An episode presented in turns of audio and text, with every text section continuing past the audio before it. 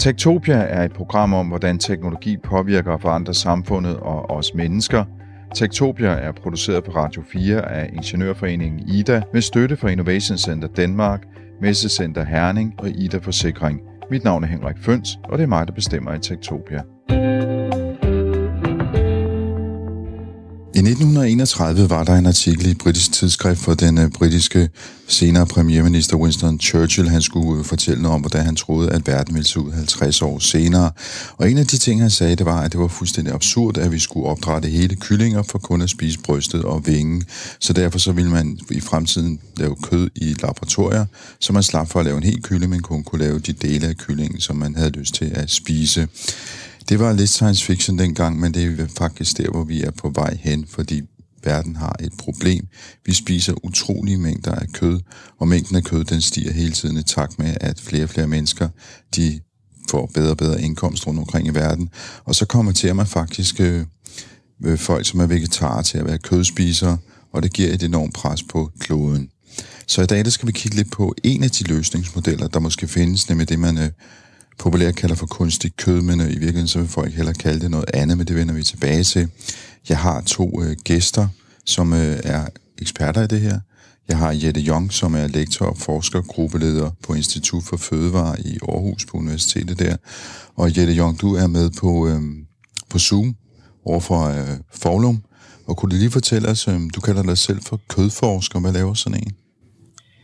Jeg, jeg er sådan set mm, lidt en del karriere. Jeg er både kødforsker, så jeg arbejder med human ernæring. Øh, fordi som der er i, i Danmark i dag, så er kødforskning har været blevet meget, meget reduceret over den sidste 10-årige periode, så vi er ikke så mange tilbage, og også tager tilbage. Vi har heller ikke fuld tid på kød.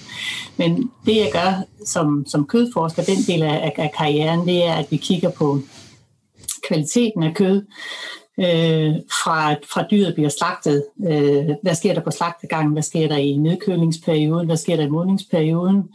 Øh, hvad, hvad indflydelse har genetikken, og hvad indflydelse har fodringen af dyret og stressperioden inden slagtning osv.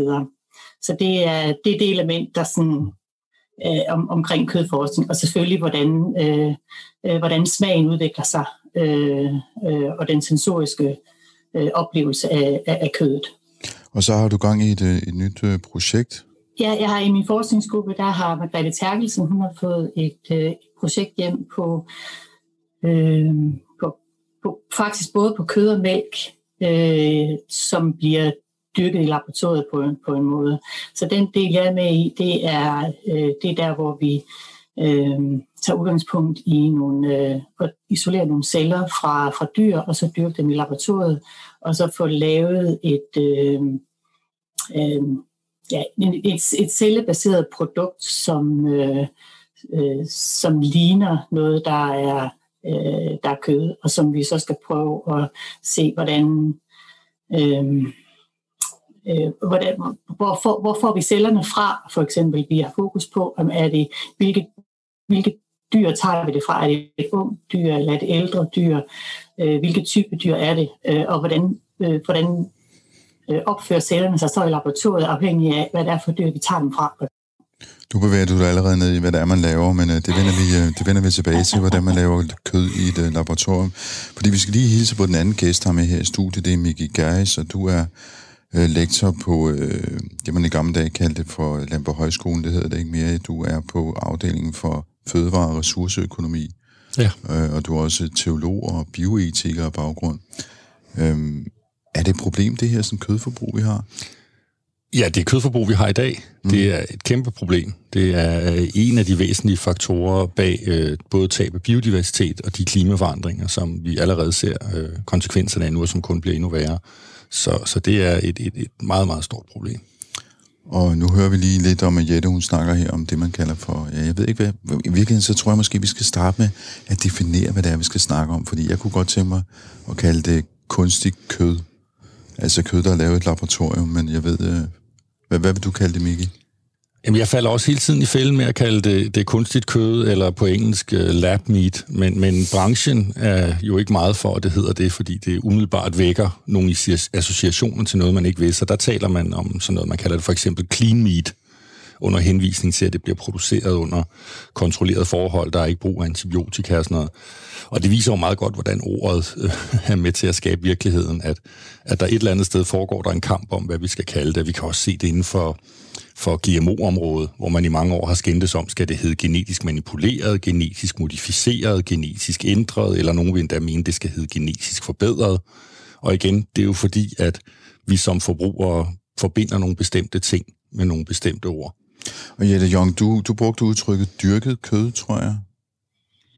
Ja, det er, jo, det er jo fordi, man på engelsk bruger den der uh, cultured meat, uh, fordi man kan sige, det, det beskriver meget godt, hvad det er, man gør. Man, man dyrker noget, og det er... Uh, det clean meat for vores projekt, det refererer faktisk også til clean meat, men man kan sige, at der kan ligge meget forskellige clean meat. Er det, er det, at det er øh, øh, clean i forhold til, øh, til, til omgivelserne? Er det, er det noget med antibiotika eller uden antibiotika? Er det noget med, at man øh, at det er mere øh, øh, bæredygtigt? Så, så den er også lidt svær at kalde en clean meat. Øh, det, det, det, det siger ikke noget helt om, om hvordan det er, det er det er blevet til. Øh, der er også nogle, der arbejder med ordet som øh, øh, meat analogs, altså øh, kødanaloger. Det er også en, et svær, en svær term, men man kan sige i forhold til, at man jo også arbejder, eller øh, man, man, man forsker meget i, og der er mange produkter på markedet efterhånden, øh, som er plantebaseret kød. Og det har jo absolut ikke noget med kød at gøre. Men man kalder det jo en kødanalog. Øh, så, så jeg tror, vi har ikke rigtig fundet den, vi har ikke fundet en god term endnu. Øh, og, og som vi sikkert skal snakke om senere også, at der, der, er, der er jo mange, kan, der kan øh, udspille sig mange forskellige produkter ud af den her øh, portfølje med, at man tager udgangspunkt i celler, fordi der kan også være nogle hybridprodukter, for eksempel, hvor man blander planter og kød celler, sådan at man får skabt et produkt. Og hvad skal man kalde det? Er det, er det kød, eller er det planter? Hvad, hvad siger I til, hvis vi kalder det for klimakød? Ja, den synes jeg vil være slem, fordi at det er meget, meget svært i øjeblikket at sige noget om, i hvor høj øh, grad det her vil være mere klimavenligt end andet, fordi vi simpelthen ikke har fået det op i en skala, hvor vi for alvor kan vurdere det. Øh, så, så det tror jeg vil være lidt, lidt ligesom misvisende, som der Landbrug og Fødevare Danish Crown for nylig lavede en kampagne, hvor de fortalte os, at, at dansk svinekød var mere klimavenligt, end vi troede. Så måske skal vi kalde det for dyrket kød? Ja, jeg tænker, en eller så kunne man godt, altså på engelsk, så kunne, der, der kunne det godt være noget med uh, creative meat, fordi det er noget med, med, med kreativ kød. Kreativ men det kød? på dansk. det er da ja. meget godt ord. Og så tænker jeg, at vi får også meget hurtigt... kød er fint, ikke? Ja, vi kan meget hurtigt få uh, organisationerne efter os. Vi har jo set, hvordan at uh, landbrugsorganisationerne har været ude at sige, at man må ikke kalde det plantemælk eller havremælk og sådan noget, fordi det er kun ting, der kommer ud af et yver. Det er kun yversekret, der må hedde mælk.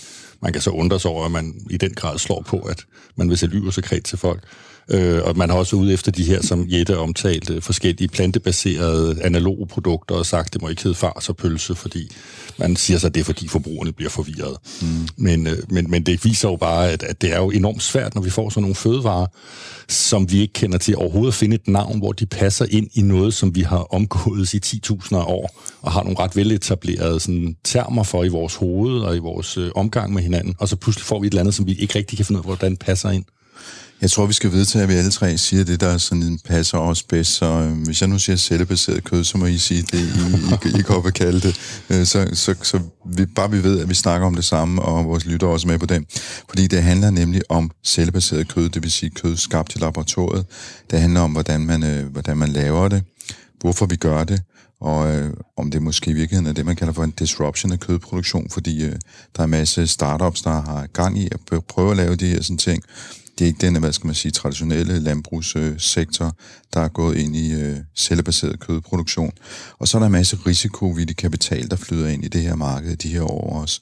Så det er nogle af de ting, vi kommer til at snakke om de næste 50 minutter. Du lytter til Tektopia med Henrik Føns. Men jeg kunne godt tænke mig at starte med lige at spille et lille lydklip fra en, øh, en hollandsk forsker, man kan vel egentlig godt kalde ham for pioner inden for køddyrkning, Mark Post fra Maastricht Universitetet. Øh, jeg lavede et interview med ham for øh, tre år siden, hvor han øh, sagde lidt om, hvad det var, han havde gang i, så vi tager en lille bid af ham. Um, the hamburger that we presented in 2013 was a proof of concept to show we, we can do this. The technology is there. but it wasn't perfect yet. There was no fat tissue in it. Um, so we have been working for the last two years on, uh, three years actually, on uh, getting fat tissue uh, cultured in the lab. What is the time perspective uh, for the, this technology? Well, as a company, we hope to have this on the market between three and four years. Uh, so then we have the scaling and we have regulatory approval because um, this has to be, this is a novel food, so it has to be um, regulated. And in three or four years, will it be in the supermarkets or just in restaurants? Uh, no, it will be mostly in restaurants because it will be still um, somewhat expensive. Let's say 10 euro for a hamburger. Do you have any timeline on when you will expect it to be in the supermarkets? Uh, it's difficult to say, but um, uh, you know, I expect that with lots of activities, also not only from us but also from all other people, um, that the technological advance will uh, will speed up, and then I'm guessing in a couple of years after the first introduction for in in restaurants, it will the price will be so low that we can introduce it in supermarkets. Det vi hørte her var Mark Post, som er en hollandsk øh, cellebaseret køddyrker pioner. Ja, det, jeg, nu begynder jeg simpelthen totalt at snuble i, hvad vi skal kalde det her. Men det vi hørte her, det var, at han øh, allerede i 2013 havde præsenteret det, han kaldte for en prototype på en hamburger, som var lavet i et laboratorium. Og han sagde faktisk, at inden for en 3-4 år, så var han klar til at øh, servere de her bøffer på en, hvad skal man sige, for et relativt højt beløb godt nok, på restauranter og lidt senere i supermarkeder. Nu er der så til gengæld gået 3,5 år siden, jeg snakkede med ham. Og jeg har ikke rigtig set de der sådan burgers nogen steder, eller fået serveret sådan en. Så Jette Jong, hvor er det egentlig blevet af? Øh, jeg, jeg lagde også mærke til, at han, han brugte øh, en, øh, han, han, han skrev, sagde, at det her det vil komme, vil, vil vare ja, de der 3-5 år, øh, hvis der var meget aktivitet på området. Og jeg tror, det der kæden hopper af, for det der med meget aktivitet på området, det har der jo ikke været. Øh, og, og, og det kommer jo an på, om netop om der er øh, hvor mange miljøer, der arbejder med det, for man bliver nødt til at stå oven på hinanden for at få det her til at vokse. Sådan er det inden for naturvidenskaber eller al mulig forskning, at man står oven på hinanden øh, som videnskabelig samfund, og så, så, så bygger man på hinandens erfaringer, og der bliver nødt til at være mange miljøer, der, der udvikler på det her, sådan at vi kan, sådan at man kan, man kan rykke på det, og det har, det har der bare ikke været de sidste år. Så det er noget med, at vi skal, vi skal have forskning, vi skal have industrien med, vi skal have noget øh, kapital øh, og så videre? Ja, hvis, hvis man vil det, så, så er det det. Altså man kan sige, hvis, hvis man ikke vil det, så, så går det jo fint med det, kan man sige, fordi så rykker det ikke. Øh, men men hvis, hvis, man, hvis man gerne vil den vej, eller hvis man siger, der er også øh, miljøer, øh, altså i øh, Holland, Israel og USA, øh, hvor, de er, hvor de er længere fremme, og hvor, de er, hvor det begynder at rykke nu. Øh, og der er andre lande, der begynder at komme med. Altså man kan sige, vi har vores første projekt, som er phd studie som startede i begyndelsen af 2020. Det er så langt, vi er i Danmark. Så du kan godt se, at vi, er, øh, vi kravler, men, men, men vi, har, vi har viden, fordi vi har jo arbejdet inden for det her område. Fordi en ting, jeg vil også lige øh, anfægt den måde, du fik, øh, fik defineret øh, kød på, fordi du siger, at det bliver skabt i laboratoriet. Det gør det jo rent faktisk ikke. Det bliver videreudviklet i laboratoriet, fordi det er, jo, det er jo dyret, der har skabt det. Det er jo en celle, vi tager fra et dyr. Det er jo ikke noget, som, som, som er løsrevet fra dyret. Vi, vi baserer jo hele, hele konceptet er baseret på, at det starter med, øh, med celler fra dyr. Det vender vi lige tilbage til, fordi det kan jeg godt høre, jeg skal så forklare noget også. Vi vil lige om lidt vende vi tilbage til, hvordan man faktisk laver det, fordi jeg skal lige spørge dig, Mikkel Geis. Er det her øh, et eksempel på en teknologi, som Bill Gates engang sagde om teknologier, at vi har en tendens til at øh, overvurdere dem på kort sigt og undervurdere dem på lang sigt? Ja, jeg har lidt en fornemmelse af, at Bill Gates er meget glad for teknologi, og jeg tror, vi har i hvert fald en tendens til, når vi skal ud og sælge teknologier, både som firmaer og som investorer og som forskere, at så har vi en tendens til, at vi overvurderer mulighederne på kort sigt, øh, fordi det er svært at sælge noget, hvor man siger, at det er måske om en 15-20 år, det kommer. Om vi så har undervurderet det på lang sigt, det må vi jo så se. Det er der jo klart nogle teknologier, vi har gjort. med mm computer og mobiltelefoner for at tage et par stykker. Men der er også andre teknologier, hvor man så noget som CO2-læring for eksempel, hvor man siger, det har vi forsket i rigtig mange år. Vi har brugt rigtig mange milliarder. Vi er faktisk ikke nået særlig langt, hvor man godt kan sige, kan det være, at vi skulle begynde at se os om efter en anden løsning. Og det er jo enormt svært at vurdere, for nu er forskning jo sådan, og det ved Jette jo meget bedre end mig, at, at grund til det forskning, det er, at man ved ikke, hvad der kommer ud af det. Altså man stiller jo nogle spørgsmål, man ikke har svarene på, så det er jo ikke sådan, at man kan gå i gang med noget og så vide, hvor man kommer hen, selvom jeg godt ved, at når man skriver forskningsansøgninger, så skal man lade som om, men, men man går jo ud i et eller andet omfang i ukendt land, og derfor kan det være meget svært at vide, om, om man undervurderer noget på forhånd. Nu siger du ukendt land. Nu skal vi måske dykke ned i noget, der for de fleste almindelige mennesker, som mig i hvert fald, er ukendt land, nemlig det laboratorium, hvor man så øh, dyrker de her celler, som skal blive øh, til kød. Og Jette Jong, det er jo, øhm, det er jo dig, der er eksperten her, så hvad er det egentlig, man gør? Hvordan laver man det her kød? Som sagt, man tager udgangspunkt i, i et, et, et dyr. Det, det vi gør, øh, vi, har, vi har jo faktisk styrket øh, celler, muskelceller i, i, i mange, mange år, som vi bare har brugt som model. Så man kan sige, det der er nyt, det er sådan set bare, at vi forsøger at få det om vi kan få det op i tre dimensioner, så det kan blive til, til, til noget, der har en struktur, til noget, der bliver til kød, og så, og så prøve at arbejde med hele den proces fra den levende celle, og så til det bliver til kød. Men det vil sige, det er, at vi har jo erfaring med at, at få lavet de her muskelcellemodeller, som vi har brugt i forhold til human ernæring, øh, hvordan muskler opfører sig. Så det man gør, det er, at man fra, et, fra det dyr, øh, vi har mest arbejdet i grise, men nu i forhold til, øh, øh til cellebaseret kød, så har vi så øh, gået over og arbejdet med, øh, med, med kvæg, fordi det giver mest mening, øh, hvis man skal gøre det i forhold til øh, CO2-belastning og, og, og den agenda.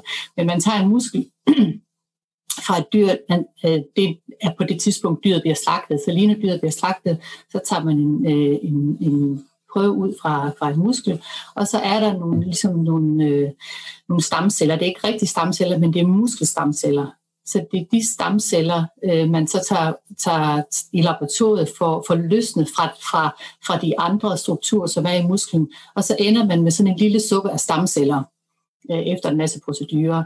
Og de stamceller, det er nogen, som man så kan så ud i laboratoriet, og så kan man få dem til at dele sig. Og så får man dem til at dele sig, og når man så når til et vist punkt, hvor de har delt sig tilstrækkeligt mange gange, så, så, øh, så har man en teknik, hvor man så kan bede dem om at, øh, eller inducere, at de bliver modnet. Og det, den måde, de modner på, det er, at så begynder de at lave sådan nogle, øh, nogle kødstrukturer, så begynder de at lave sådan nogle, nogle øh, muskel, primitive muskelfiber, som man kalder dem. Og, og det er sådan set det, der er udgangspunktet. Når, når, når, når du siger, de modner, kan man sammenligne det med sådan en fermenteringsproces, ligesom når man laver øl eller ting, der gærer? Nej, ikke, ikke på det her tidspunkt. Nej. På det her tidspunkt, der, der er vi ved at bygge vævet op, kan man sige. Så der laver man, det er lidt ligesom, når, når de på et hospital vil lave noget hjertevæv eller noget andet væv. Så vi bygger vævet op, og der skal det modnes. Det starter med nogle celler, og så, er der nogle, så sker der noget modning i de celler, så de faktisk bliver til determinerede hjerteceller eller nogle determinerede muskelceller. Når det så er sket, at man har bygget det her væv op, så er det, at at man kan komme ind, som i det tilfælde, hvor jeg er kødforsker, hvor man så siger, så når, når, kødet er, når vævet er bygget op, så skal vi det til at blive til kød. Og, og det er så der, der kan man begynde at, at sammenligne det mere med en modningsproces. Øh, et æble, der modner kødet, der modner kødet, der hænger. Øh, i en fermenteringsproces, der er nogle bakterier involveret, så det er lidt en anden proces. Men, men i modningen, der sker nogle, nogle biokemiske processer inde i kødet, som gør, at der sker noget udvikling af smag, der sker noget udvikling af, af teksturen osv. Øh, og, og det sker fra det tidspunkt, hvor man faktisk tager næringsstofferne og ilten øh, og varmen væk fra de her celler, så man, så man ændrer fokus på at dyrke det til at det skal udvikle sig til kød, det skal udvikle sig til et levnedsmiddel, til noget, vi kan spise. Og er det så i den her proces, fordi man snakker om, man har ligesom en stilas eller en svamp, det vokser på? Ja, det, det, er, det er, at man, når man har den her øh, suppe af, af de her øh, øh, satellitceller, kalder man de her øh, slags stamceller, muskelstamceller, de kan ikke vokse i suspension. De kan ikke vokse bare i et medie og frit flydende. De skal have, gribe fat i en overflade for at kunne vokse. Så de skal have en overflade at sætte sig på. I, i kød, der er det jo i en fast struktur, der er det i minobindevæv, der er det imellem nogle, øh, nogle membraner, så de sætter, som de sætter sig på. I, i det her, i laboratoriet bliver vi nødt til at skabe øh, det miljø, så de har noget at sætte sig på. Så, så det der, det der, øh, øh, som man siger, det der stillads. Vi skal have lavet et stillads, som cellerne kan sætte sig på, blive fat i og vokse på.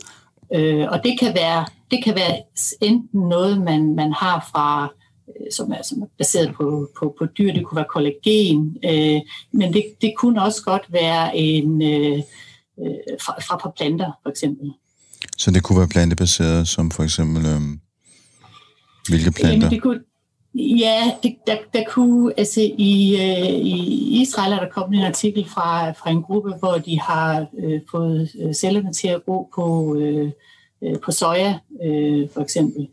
Øh, og man kan sige, at hvis man skulle lave en nordisk-skandinavisk øh, del af det, så man siger, så hvorfor skulle vi ikke så forsøge, skulle vi forsøge, hvad er det protein, eller man kunne, man kunne også godt, øh, der er nogen, der arbejder med, om man skal prøve med noget protein fra nogle svampe, eller øh, alger, eller øh, man kan sige, det er fantasien, der sætter grænser, men i sidste ende er det jo teknologien, altså hvis ikke, hvis ikke øh, muskelcellerne vil gro på den her øh, overflade, som vi tilbyder dem, så, så, så, så må vi finde noget andet. Altså, men men der, der, er, der, er nogle, der er mange, der arbejder med, hvordan skal den her overflade være, for at cellerne kan, øh, kan gro på den og, øh, øh, og, og blive til øh, de der primitive muskelfibre.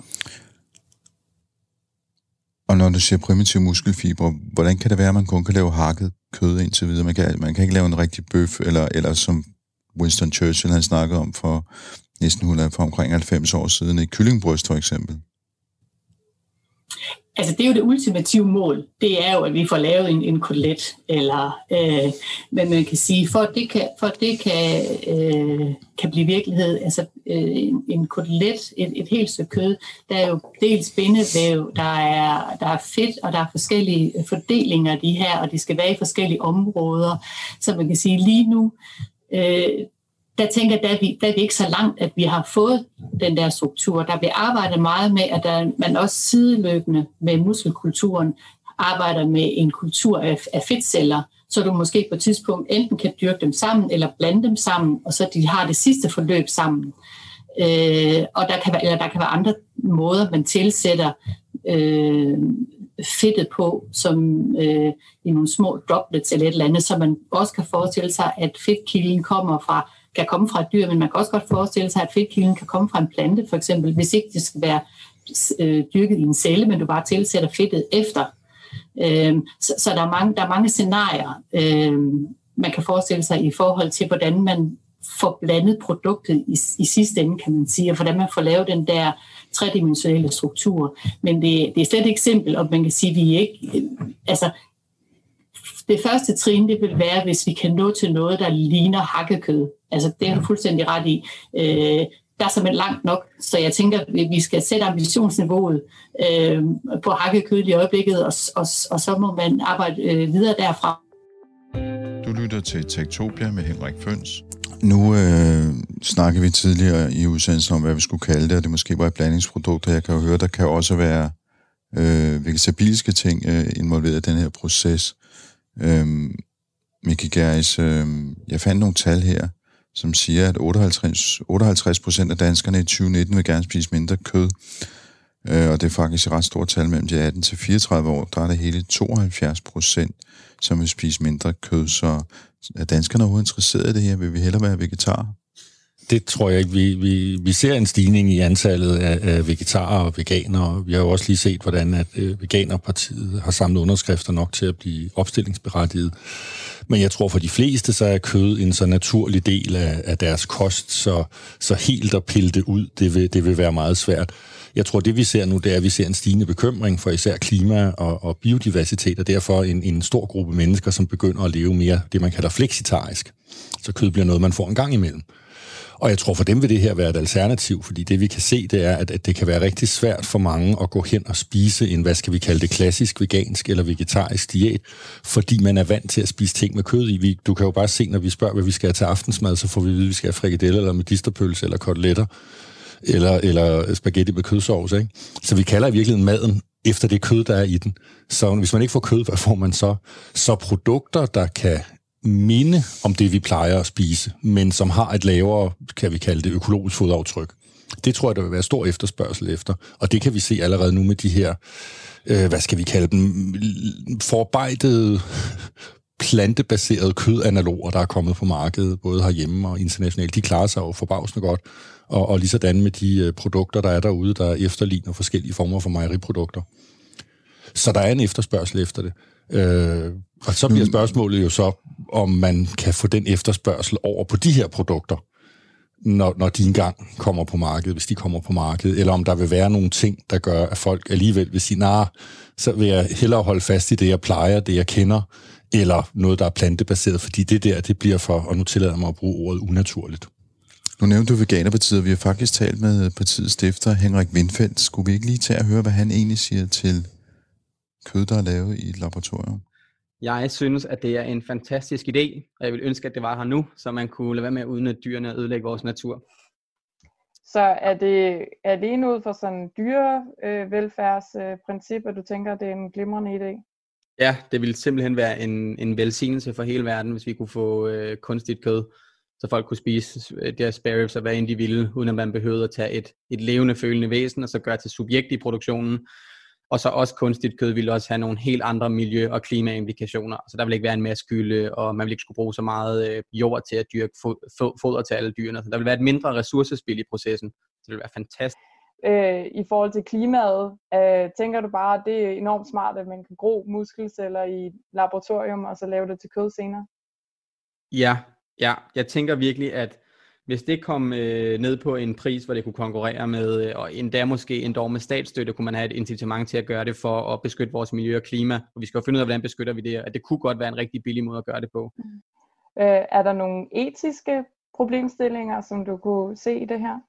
Øh, det kommer an på teknologien. Der er noget med, at så, øh, som udgangspunkt nej. Og hvis man er utilitarist, så vil man gerne få mindsket lidelse. Så selv hvis vi var i et scenarie, hvor man skulle høste nogle celler fra nogle dyr, for så at, at vækste dem, man godt sige, at det vil være synd for, for de dyr. Men ud fra et utilitaristisk synspunkt, så vil det jo være fantastisk, fordi man ligesom kunne sænke lidelsen for mange dyr, hvis så og så udnytte nogle få, hvis, hvis det var nødvendigt. Men der er også noget, hvor man ikke behøver, altså noget teknologi, der er på, hvor man ikke behøver at udnytte dyr og sådan noget, så det vil selvfølgelig være at foretrække. Mm. Men jeg vil stadig sige, hvis den eneste teknologi, der er til rådighed, det er, hvor man skal høste celler fra nogle dyr, øh, så, vil, så vil jeg være kæmpe enorm fortaler for at gøre det. Altså, mm. det vil være, det vil være den største velsignelse, og det vil være fantastisk. Så du er selv veganer, kan jeg nu? Ja, jeg er veganer, ja. Og øh, så det vil sige, hvis du fik serveret sådan en stor bøf på en tallerken, og den var lavet af øh, groet kunstigt kød, så vil du spise den? Det er et godt spørgsmål. Det er et godt, jeg skulle helt kalibrere mit kompas igen, eller hvad man skal sige. Fordi lige nu der ser jeg jo ikke rigtig kød som mad. Altså jeg ser det jo mere som øh, et stykke af et dyr, eller hvad man skal sige. Jeg, jeg er ikke interesseret i at spise. Jeg, når jeg kigger på mad, så er det øh, rodfrugter og bælfrugter, eller sådan noget forskelligt. Øhm, så hvad hvis... Jeg, tror, jeg, jeg, jeg, er ikke, jeg, er ikke sikker, jeg er ikke sikker på, om jeg ville begynde at spise det. Det ved jeg ikke. Jeg, jeg tror også, jeg skulle smage det. Altså, Ja. Så det var en sjov du... oplevelse. Jeg ville, jeg ville tænde kameraet, mens jeg gjorde det. ja. Så hvis nu du vidste, at øh, en procentdel af bøffen måske var lavet af grøntsager, hvis nu 10% var lavet af kunstigt kød, øhm, vil du så spise den? Jamen, jeg tror, jeg ville nok nok måske komme til at se det ligesom, at vi ser, øh, altså jeg spiser jo øh, bøffer og snitsler og øh, alt muligt forskellige oster, eller sådan noget, som jo bare er lavet af nogle planter, og øh, altså, jeg tænker måske, at man vil begynde at se det lidt på samme måde. Fordi faktisk så veganisme, det handler om, så vidt det er muligt, så udnytter man ikke dyr. Og det vil man jo ikke gøre, hvis det var en øh, muskelcelle, man havde vækstet. Så det er, jeg er faktisk det er lige før jeg er i tvivl om, man inden for definitionen, ikke, der findes ikke et veganerpoliti, man kan gøre, hvad man vil, ikke? Jeg er faktisk i tvivl om, inden for definitionen, om, om, om så vil man vel stadig være veganer, tænker jeg. Det vil nok ja. irritere nogen, at man sad og spiste spare og sagde, ja, jamen, jeg er veganer, men altså... Det er altså, det helt store spørgsmål. Ja, Altså, det handler om ikke at udnytte dyr, ikke at ødelægge naturen, og så frem man kan gøre det. Jeg er, jeg er selv relativt liberal, så folk skal have lyst til at gøre, eller have lov til at gøre, hvad de har lyst til. Ja. Så jeg vil synes, det var det fedeste, mand. Det er det fedeste, siger øh, stifteren af Veganerpartiet. Altså, man kan simpelthen omvende veganer til at blive kødspiser på den her måde, eller hvad, hvad er det, der foregår her, Miki, Miki Gass? Jo, men det er jo, at, at rigtig mange i, i den veganske bevægelse startede, øh, og deres, deres, hvad skal vi kalde det, ideologiske udgangspunkt, det er, at dyr skal ikke udsættes for unødig lidelse. Og det at spise dyr øh, og producere øh, kød, det udsætter dyr for lidelse. Så kan man komme med et fødevareprodukt, som har minimeret graden af lidelse, dyr er blevet udsat for, så vil det selvfølgelig være en god øh, ting ud fra den, øh, den synsvinkel. Ja, jeg vil tillade mig, og nu som Henrik helt rigtigt siger, så findes der jo ikke et veganerpoliti, selvom man godt nogle gange kan blive lidt i tvivl. Øhm, men jeg synes faktisk, der ligger en, en, en, en lidt dybere diskussion her, øh, men nu er jeg også etiker, og er derfor nødt til at finde noget at bekymre mig om hele tiden. Mm. Som, som selv hvis vi antager, at, at Jette og hendes kollegaer får det her til at virke, og de står faktisk med et produkt, der er, er lige så bæredygtigt som, som det, vi kan producere øh, i dag på planter, øh, øh, og I får minimeret brugen af, af dyr, så der er nogle få dyr, der skal tages muskelceller fra. I finder vækstmidler øh, til, som cellerne kan vokse i, som ikke er baseret på dyr. Lad os sige, at vi får alt det på plads. Så vil jeg stadigvæk tillade mig at sige, et eller andet sted ligger der jo en fortsættelse af den fortælling, som mennesket har kørt i tusinder af år, om at dyr er noget, man spiser. Nu gør vi det bare på en anden måde. Men, men jeg tænker, at, at man kan godt gå ind og se det her som en fastholdelse af nogle magtstrukturer, bare på en anden måde, men et fastholdelse af et verdenssyn, som, som gør det naturligt, at det er det, vi gør. Og derfor tror jeg faktisk, hvis jeg fik serveret sådan en rød bøf, så vil jeg nok sige nej. Jeg tager faktisk noget, der er lavet på planter, fordi jeg mener, uanset om det er et helt dyr eller en celle, der er taget fra et dyr, når jeg kan leve godt og sundt, og det smager dejligt, uden at jeg behøver at involvere dyr direkte i den proces, så vil jeg faktisk foretrække det. Øhm, og, men det kan øh, Veganerpartiet og, deres medlemmer så få lov til at slås om til den tid, når de står nede ved køledisken, øh, hvis produkterne ligger der. Altså jeg vil sige, det er måske en interessant diskussion, man har fået plante hos Veganerpartiet ved at øh, lancere den her type kød. Øh, Mark Poste, øh, den hollandske forsker, vi hørte i starten af udsendelsen, han... Øh, han, øh, han sagde faktisk også i det interview, vi lavede med ham, at hans mål var at øh, minimere antallet af køer på markerne, fordi de udleder metangas. Men Jette Jong, betyder den her teknologi, at vi kommer til at slagte mindre kvæg, at vi kommer til at se færre kyllinger, der bliver opdrettet i store øh, haller osv.? Altså, jeg tror, øh, det, det, det var lang tid. Altså, jeg, jeg vil sige, øh, det, det, det, det, som jeg ser for mig lige nu, det er, øh, at, at hvis vi når dertil, at vores teknologi bliver udviklet så meget, øh, at, at der kommer produkter på markedet, dels, som jeg siger, så vil det først i hvert fald være, at der, det bliver noget, der, der, der lidt ligner noget fars. Øh, og, og nogen vil gerne blive ved med at have deres, øh, øh, deres koteletter og deres bøffer.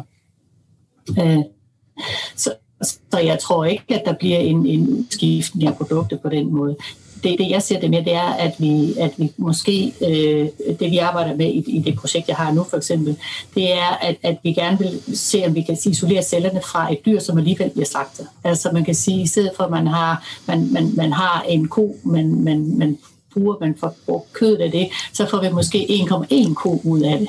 Altså sådan, at man kan sige, at samt i den proces, hvor at det her dyr bliver slagtet, så tager vi nogle celler fra, og så får vi det til at vokse. Og, og jeg ser også, altså nu selvfølgelig også, jeg er kødforsker, så er jeg ikke kødforskrækket, øh, så jeg ser også, at selvom det er et, et, hvad kan man sige, et produkt, som er lavet uden for, eller uden for, for, for dyr, som er lavet i laboratoriet, med udgangspunkt i dyreceller, det skal vi ikke glemme, hvis man kunne bruge noget af det affald, der er fra slagteprocessen, til at gå i det medie, til at, at, at gro cellerne på, eller man kan netop bruge kollagen som, som, øh, som destillas, øh, så tænker jeg, at man kan starte der, og så efterhånden kan man måske skifte et element ud, øh, at man kan sige, så prøver man måske at bruge øh, øh, noget ærteprotein, øh, og så stadigvæk holde fast i nogle af de andre komponenter, så at vi lige så stille udvikler produktet, og produktet udvikler sig i, i, i mange retninger, øh, som jeg ser det. Jeg tror ikke, det bliver en kæmpe disruption, men jeg tænker, at det kunne, det kunne sagtens være et parløb med den øh, industri og den, det landbrug, som er i dag. øhm, for vi, vi har jo også brug for, når vi så dyrker cellerne, de skal jo bruge nogle, de skal bruge nogle proteiner, de, skal jo, de kan jo ikke lave proteiner ud af ingenting, så de skal jo bruge nogle byggesten, de skal bruge nogle aminosyre. Det kan man få fra animalske produkter, men man kan også godt få det fra planteprodukter, så du vil godt kunne kunne hvad kan man sige, producere øh, og bruge byggestenene fra, fra et plantemateriale, en alge eller et eller andet, øh, og så nedbryde det til, til, til, til, til simple byggesten, og så føde det ind, så det faktisk bliver inkorporeret i de muskelceller, der, der bliver til det kød, du spiser. Så, så man kan sige, på mange niveauer kan man få den der planteelement ind. Så det kommer lidt an på, hvor, hvor, hvor, hvor meget man gerne vil have planteelementet ind, eller hvor meget man bare gerne vil have, at der ikke er så mange, øh, at der bliver færre dyr, der bliver slagtet. Eller det kommer lidt an på, hvad er årsagen til, at du bliver veganer. Er det fordi, du ikke kan lide kød, eller er det fordi, du ikke synes, dyr skal lide, eller er det på grund af miljøet, eller øh, man kan sige, der, der er også et ernæringsmæssigt aspekt i det. Øh, og det tror jeg, øh, det skal vi heller ikke helt glemme. Øh, men, kød men, kan noget, som, som planter ikke kan. Og der er noget med kødet, det er, at vi ikke helt er færdige med at forske hvad det egentlig er, kød kan. Udover at vi ved noget om jern og B12, vitaminer. Ja, altså vi, vi ved jo, at, at jern er mere øh, tilgængeligt for kroppen, når det kommer fra kød. Altså dels har det højere mængde, men det er også mere tilgængeligt for kroppen, og, så det bliver optaget. Øh, og, så er, og så er B12, som jo er svært med, med plant, fra, fra planter. Øh, jeg tror også, der, eller der er mange ting, man kan sige ind imellem. For eksempel på mælkesiden, vi har de to, to store grupper af animalske produkter, som er mælk og kød, som vi, som vi indtager mælk har man forsket rigtig, rigtig meget i og fundet mange øh, komponenter i mælk, som udover de, hvad kan man sige, de livsnødvendige næringsstoffer, nogle vitaminer og nogle mineraler, øh, som, som mælken leverer, som også kan leveres andre steder fra, men som mælken gør rigtig godt, der er der også andre komponenter, som har betydning for vores sundhed. I kød har man har man ikke gjort så meget øh, i den forskning, og det har lidt at gøre med traditioner. Man har ikke helt så meget i den akademiske vinkel på, på kødproduktion, som man har haft øh, historisk på, på mælkesiden. Så jeg tror, der, der er mange kommenter, som man, man finder det jo ikke, hvis ikke man leder efter det. Så hvis ikke du forsker i det, så finder du heller ikke øh, de komponenter. Øh, og det tror jeg, det opdager man først, når man så ikke har dem, når man undgår at spise det. Øhm, men du kan jo sagtens have et, et fint liv som, øh, som veganer øh, og vegetar. Man skal bare tænke meget mere over, hvad man spiser, fordi du skal sørge for at have det der jern og, og sådan nogle ting. Så, så der, er jo ikke, der er jo ikke noget til hinder for, at du, at, at, at du har lever fint som, øh, som veganer og vegetar. Ja, altså, der er jo ikke nogen tvivl om, at man kan leve sundt og godt øh, som karnist, altså et menneske, der spiser animalske ja. produkter, og man kan også leve sundt og godt som veganer, øh, øh, det vil sige kun at spise planteproducerede produkter. Øh, så er det rigtigt, der er noget med B12-vitamin især, som, som veganere kan være nødt til at tage som, som kosttilskud. Det er jo ikke meget anderledes end den vitaminpille, de fleste danskere har stående ved morgenbordet. Og så vil jeg lige sige, man skal jo også tænke rigtig godt over, hvad man spiser, når man spiser animalske produkter. Der er jo en grund til, at vi har en fedmeepidemi. Der er en grund til, at vi har så mange, der har hjertekarsygdom. Det er jo, at vi lever ekstremt usundt. Ikke? Og der er sådan en, det er sådan lidt, hvis jeg sidder om aftenen og, og siger til mine venner, og jeg cykler ned på tanken og henter to poser chips og en burger og noget cola, så siger folk, det er fint. Og hvis jeg siger, øh, jeg skal faktisk have noget vegansk at spise i aften, så begynder folk straks at tale om, at jeg bliver underernæret. Så vi lever jo i forvejen enormt usundt og tænker overhovedet ikke over, hvad vi spiser, når der indgår kødprodukter. Så alle former for mad kræver jo, at man tænker over, hvad man spiser. Øh, Jette Jong, øh, jeg, jeg jeg har faktisk et spørgsmål, som måske går i en lidt anden retning her, men jeg kommer til at tænke på, øh, når man først en gang har taget de her celler fra den muskel øh, fra det slagtede kvæg, øh, hvor langt rækker de her, man så må sige? Er det lidt ligesom, når man har en surdej stående, så kan man have den i utrolig lang tid, eller skal man hele tiden hente nye celler? Øh, det, er jo en okay analog med surdejen. Altså den, den, på, nogle gange så, så går surdejen også hen og dør, ikke? eller den bliver, den bliver for ja. gammel, eller hvad det nu gør. Altså med, med cellerne, vi kan, vi, vi kan dyrke den i en vis tid, men, men, men de her celler er ikke udødelige. Og det er jo per definition. Altså når man arbejder med celler, så har, arbejder man ikke med to definitioner. Der er noget, man kalder cellelinjer, og det er de celler, som bliver gjort udødelige. Øh, og det er ikke dem, vi arbejder med her. Det er det, vi kalder primære celler, det vil sige, det er celler, vi har isoleret fra dyret. Så det er ikke nogen, vi har manipuleret på nogen måde.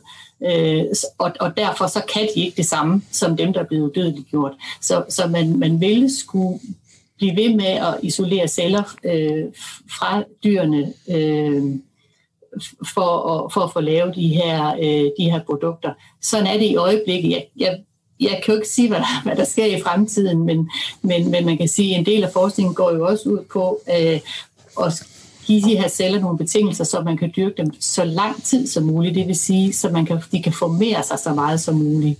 Øh, men, men der er klart en grænse for, hvor meget de kan formere sig, øh, som det ser ud i dag. Og, ja, øh, formodentlig lang, mange, mange år endnu inden for det her felt.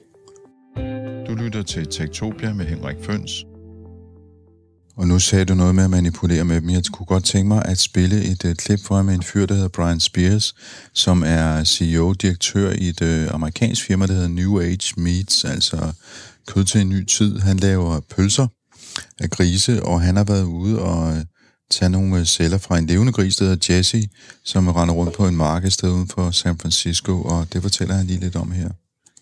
We've kind of shifted from a a science problem to an engineering problem. So we've kind of proved that the science can happen, right? So we've made this. People have eaten it, said like, well, this tastes great. It tastes just like sausage. tastes just like you know pork does. Uh, and so now it's a matter of okay, how can we scale that up and how can we drop the price? So that's so we, we don't, I guess, compete on a commodity level because we actually don't make a commodity product. Uh, this product will be better than conventional meat. Uh, it's better because we it, because we control the entire process. We control the environment in which the cells live, uh, and then everything that goes into and out of the cell. So there's only so much that you can manipulate an animal to give you a different taste or a different texture, a different aroma. Uh, and that's because an animal is, is optimized, you know, or evolved for, to live, not to necessarily give you a better food product, right?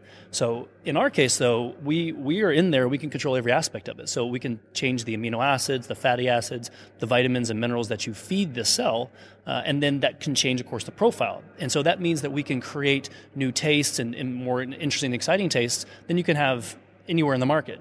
Uh, so it will be tastier and then also it'll be healthier as well. So there won't be contamin- fecal contamination like you get in a lot of meat. There won't be salmonella and listeria and E. coli. Uh, you won't have an antibiotic resistance or a, a, public health, I would say, crisis as a result of using continuous um, antibiotics on a healthy on healthy animals like you do with, with most traditional agriculture. In our case, these are largely aseptic processes that we're doing.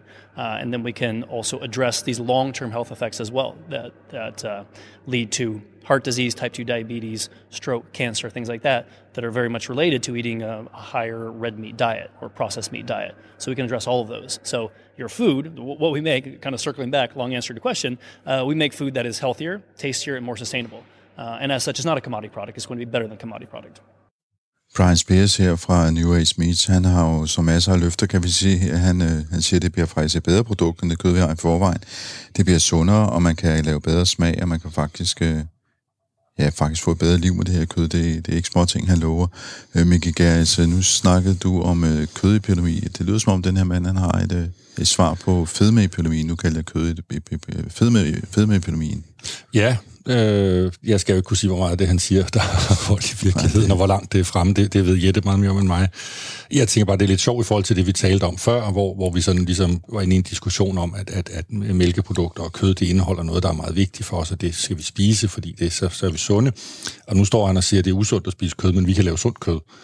Øh, og så er jeg lidt, hvorfor så ikke bare spise planter? Altså, det ved vi jo fra, fra masser af undersøgelser, at vegetar og veganere lever typisk længere end dem, der spiser kød man selvfølgelig passe på med at overføre direkte, fordi det kan jo også være, fordi vegetar og veganer typisk er nogle ret kedelige typer, der sidder derhjemme og hækler foran pejsen og hører pæt, mens de andre går i byen og, og drikker sig stive og ryger smøger.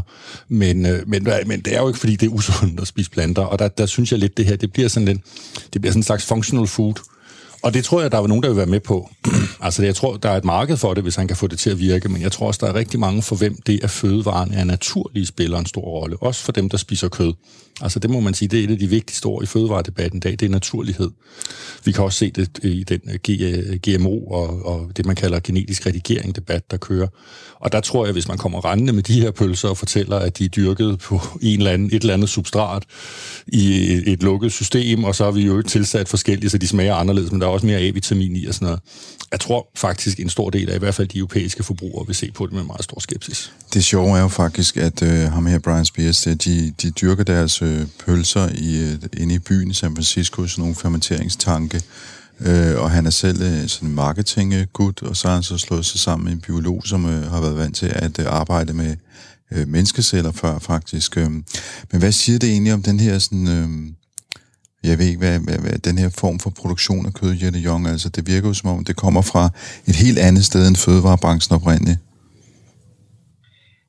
Ja, og, og af en, en rigtig god grund, kan man sige, fordi det er jo der erfaringen har været. Øh, man kan sige, der er jo i, i forhold til at opbygge væv, så er det jo øh, så har det jo været meget mere fokus på, og det har været øh,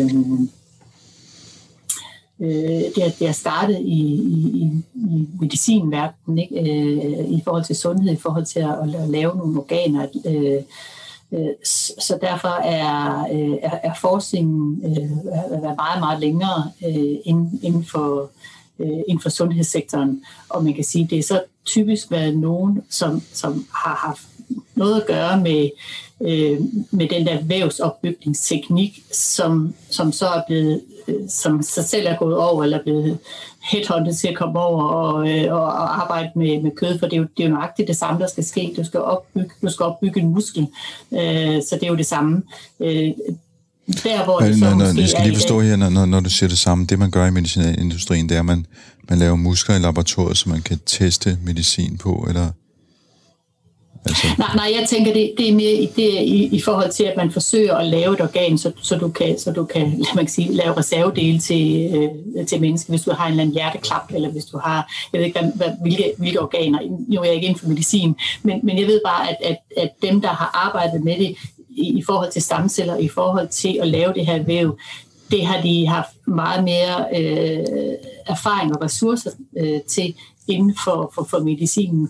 Øh, det, det, man, det vi så vil gøre nu, når vi skal over i levnedsmidler, man kan sige, så bliver vi nødt til at skille de der to verdener til at mødes på en måde. Fordi øh, en, en, som er opvokset i, i, i medicinsk verden, med medicinsk tænkning, tænker jo ikke, at det her det er et fødevare, det er noget, der skal være et, et næringsstof øh, til os som mennesker, og at vi skal kunne lide det, det skal kunne smage godt.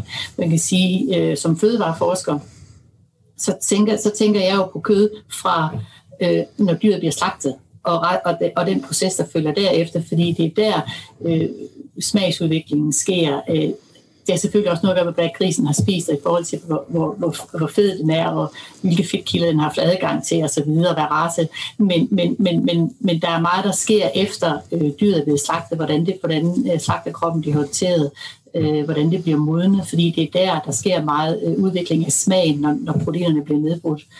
Øhm, og, og i forhold til, til, til, til fedtkilderne, som siger, øhm, hvis, hvis man skal gøre det sundt, ja, man kan godt man kan godt sige, at så tager vi en fedtkilde fra, fra nogle planter, og så gør du det sundere, og så undgår du øh, det andet pro- efterfølgende problem i forhold til, hvad, hvad, hvad kødspisere øh, øh, må lide øh, over over, fordi de spiser meget, øh, meget mættet fedt. Øh, men det kommer lidt an på, hvad man gerne vil have ud af det, fordi meget af, af smag i øh, animalske produkter, det er faktisk båret af fedtet. Øh, så det er en kombination af, øh, af den, den egen smag, som fedtet har og under nedbrydning, og som protein, der bliver nedbrudt, har. Det er det, der giver den der øh, kødsmag, og som man prøver på at efterligne i, i, i, i plantebaseret kød. Og man kan sige, øh, naturligheden på plantebaseret kød, jeg tænker, hvorfor kan man ikke kalde det falafel? Man kalder det jo ikke en, øh, en, en, en, øh, en plantefrikadelle. Altså, det, det er en andet produkt, det er en falafel. Øh, så, så, så det er også derfor, jeg tænker, at det her produkt, som vi er ved at skabe her, skal vi ikke kalde det noget andet, fordi hvorfor skal vi kalde det kød? Det, måske, er det, det, øh, øh, det er selvfølgelig ikke den rigtige til mere, at vi skal have fat i filosofen derfor at tænke, jamen, at, at det, er jo, det er jo fordi, at vi, det er fordi, at, at, at, at at vi, vi, vi skal have noget hængt op på i forhold til den måltidsstruktur og den tradition, vi har, at, at vi bliver nødt til at kalde det en, en plantefrikadelle i stedet for en falafel, fordi så er vi over i en anden kultur. Du lytter til Tektopia med Henrik Føns. Jeg, jeg, kunne godt, jeg kunne godt tænke mig lige at køre ud af et andet spor her til sidst. Vi har ikke så lang tid tilbage. Vi skal lige nå at snakke lidt om, hvad det egentlig er, der sker med den her branche, fordi øh, øh det her firma, vi lige har hørt om fra USA, det er jo, som vi nævnte, det er en forretningsmand, og så er det en, øh, en genetiker øh, fra medicinalindustrien, der har lavet det. Øh, og øh, når man spørger hjemme rundt omkring, for eksempel spørger vi Danish Crown, hvad de har tænkt sig at gøre ved den her udvikling, så siger de, at vi følger den fra sidelinjen, men på nuværende tidspunkt er der ingen planer om at engagere sig i udvikling og produktion af kunstig kød. Så jeg tænker lidt, det er, det er startups med en masse risikovillig kapital, der går ind i det her område, som I kan gøre. Er det her sådan en disruption, ligesom vi så en disruption af Nokia og så videre? Det er det i hvert fald muligvis. Altså man kan sige, at, at, at øh, det konventionelle, traditionelle landbrug, og især den animalske produktion, er under et enormt pres. Øh, både i forhold til øh, dyrevelfærd og dyreetik, men også i forhold til klima og bæredygtighed, som, som Jette også har fortalt om. og man står foran nogle kæmpe udfordringer, fordi uanset hvordan man vender og drejer det, så koster det på, på, på, den øko, hvad skal vi sige, på fod, det økologiske fodaftryk at lade planteproteiner gå igennem dyr for at blive til animalske proteiner. Øh, og vi kan jo se, at i USA for eksempel, et, et kæmpe, kæmpe, kæmpe øh, øh, firma, øh, som traditionelt har stået for kød, Tyson, de investerer jo i plantebaserede alternativer, de har investeret i, øh, i denne her teknologi. Herhjemme kunne vi for et år siden se Arla plastre København til med reklamer, hvor man gjorde grin med, med havredrik, og det var uden næring, og mælk var meget bedre. Nu har Arla sendt deres egen version af havredrik på gaden. Ikke? Danish Crown er jo i gang også med de plantebaserede alternativer til kødprodukter. Blandt andet øh, har de jo haft noget på markedet. Jeg tror, de hævde det tilbage igen, fordi de ikke vidste, hvad de skulle kalde det, apropos vores diskussion omkring bacon. Så landbruget er under et enormt pres. Øh, og, og det er jo klart, at eftersom landmænd, øh, øh, ligesom andre forretningsmænd, er interesseret i at tjene penge, så er de jo nødt til at prøve at se, hvad gør vi i fremtiden.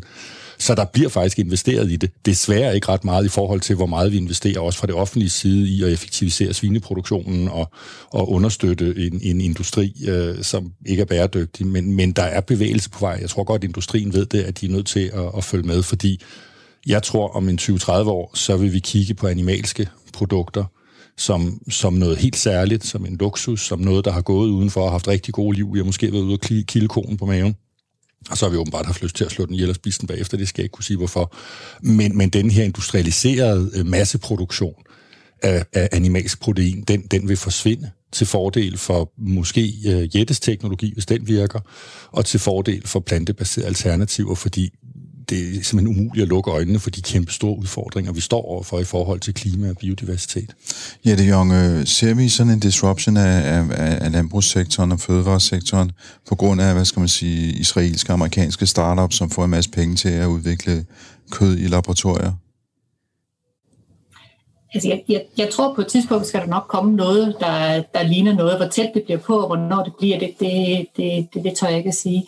Men, men jeg synes, det er, det, det, det er vigtigt, at vi, at vi også er med på banen. Også for, at vi, vi sætter vores præg på, hvad, hvad synes vi er okay? Hvad, øh, hvad, hvad er det, vi vil være med til? Og kan vi bruge vores øh, råvarer øh, fra, fra, fra vores del af verden, i stedet for eksempel at lave et... Øh, øh, et stillads på søje, øh, øh, og måske tage udgangspunkt i, øh, øh, i celler fra, fra de dyr, vi har. Eller jeg, jeg tænker, øh, lige nu er det meget øh, startups og venture capital, fordi de ser, at der, hvis det her tager fat, så kan det blive, så kan det blive stort. Øh, og, og mange andre, som, som Danish Crown siger, vi ser, hvad der sker, og hvis, man, hvis der er for mange, der ser, hvad der sker, så sker der ikke noget. Øh, men, men jeg tænker, at, at det kunne sagtens øh, strække sammen og være et, et fint parløb med den industri, der er, og, og bruge de ressourcer og de øh, kompetencer, der er øh, inden, for, inden for industrien, og, og arbejde sammen, i stedet for at se det som en, øh, som en modsætning. Men det kræver jo, at, øh, at man, man, man er, er villig til at gå ind på den, øh, på den bane. Så vi kan risikere en form for disruption, hører der lidt sige, hvis man ikke vågner op i branchen. Altså, jeg vil tro, det kommer på et tidspunkt, og jeg tænker, at vi bliver nødt til at skal kunne forholde os til det, også i forhold til vores lovgivning osv., så, videre. så, så vi, vi er jo også nødt til at skal, skal være klar til, at vi kan, vi kan give noget, øh, noget rådgivning til vores ministerie, hvis, hvis vi siger, hvad, hvad, hvad, hvad stiller vi op med det her, når det kommer ind over vores grænse, selvom det, vi siger, at vi vil ikke producere det. Det er fint, men hvis andre gør, øh, så skal vi jo forholde os til det om ikke andet. Mikkel Gæris, det lyder som om, at politikerne skal vågne op, og branchen skal vågne op og hoste op med nogle penge til noget forskning her. Ja, folk skal jo generelt vågne op, ikke? Det må, det må vi sige. Okay. Øh, men jo, det er da klart, ikke? Altså, vi kan jo se det øh, på et andet område, øh, også inden for øh, proteinbranchen, nemlig omkring insekter som øh, jo flere milliarder mennesker spiser som en del af deres nærmest daglige kost, men som er meget uvandt for os i den vestlige verden. Og der er jo også store investeringer i øjeblikket omkring at udvikle insektprotein, både til, til dyrefoder og til, til mennesker, som et alternativ til, til de mere velkendte animalske proteiner. Og der står man også og mangler penge til at få udforsket det her og lavet det sikkert, men også omkring godkendelsesprocedurer øh, og så videre. Så, så generelt handler det jo om at forstå, at, at når vi står med de udfordringer, vi gør omkring klima og biodiversitet, så er der ikke en magic bullet, der løser det hele. Så har vi en række teknologier derude, der tilbyder forskellige løsninger, og dem skal vi da selvfølgelig understøtte for at finde de løsninger, i stedet for at fastholde en industri, som vi ved ikke leverer løsningerne. Og det bliver så det sidste ord i øh, Tektopia i dag. Vi sender jo hver søndag kl. 13.05 her på Radio 4, og i dag havde vi Miki Geris, som er bioetiker og lektor øh, på Institut for Fødevare og Ressourceøkonomi på øh, øh, jeg glemmer hele tiden, hvad hedder den på højskolen nu Den hedder bare Københavns Universitet. Den hedder bare Københavns Universitet. Ja, ja, men der kommer du i hvert fald fra. Tak fordi du vil være med. Ja, og tak til Jette Jong, der var med på Zoom fra Forlum, hvor du sidder og forsker i kød. Du er lektor på Institut for Fødevare på Aarhus Universitet. Og man kan også høre den her udsendelse som podcast på radio4.dk, og man er altid velkommen til at skrive til mig på henriksnabla.tektopia.dk. Øh, og så vil jeg jo bare ønske held og lykke med din middagstallerken i aften, og måske skulle du tænke lidt over, hvordan du komponerer den. Hvad skal der være af føde? Hvad skal der være af grøntsager? Hvad skal der være af kød? Og tænk lidt over, hvordan den kommer til at se ud om 50 år. På genhør næste uge. Du lytter til Tektopia med Henrik Føns.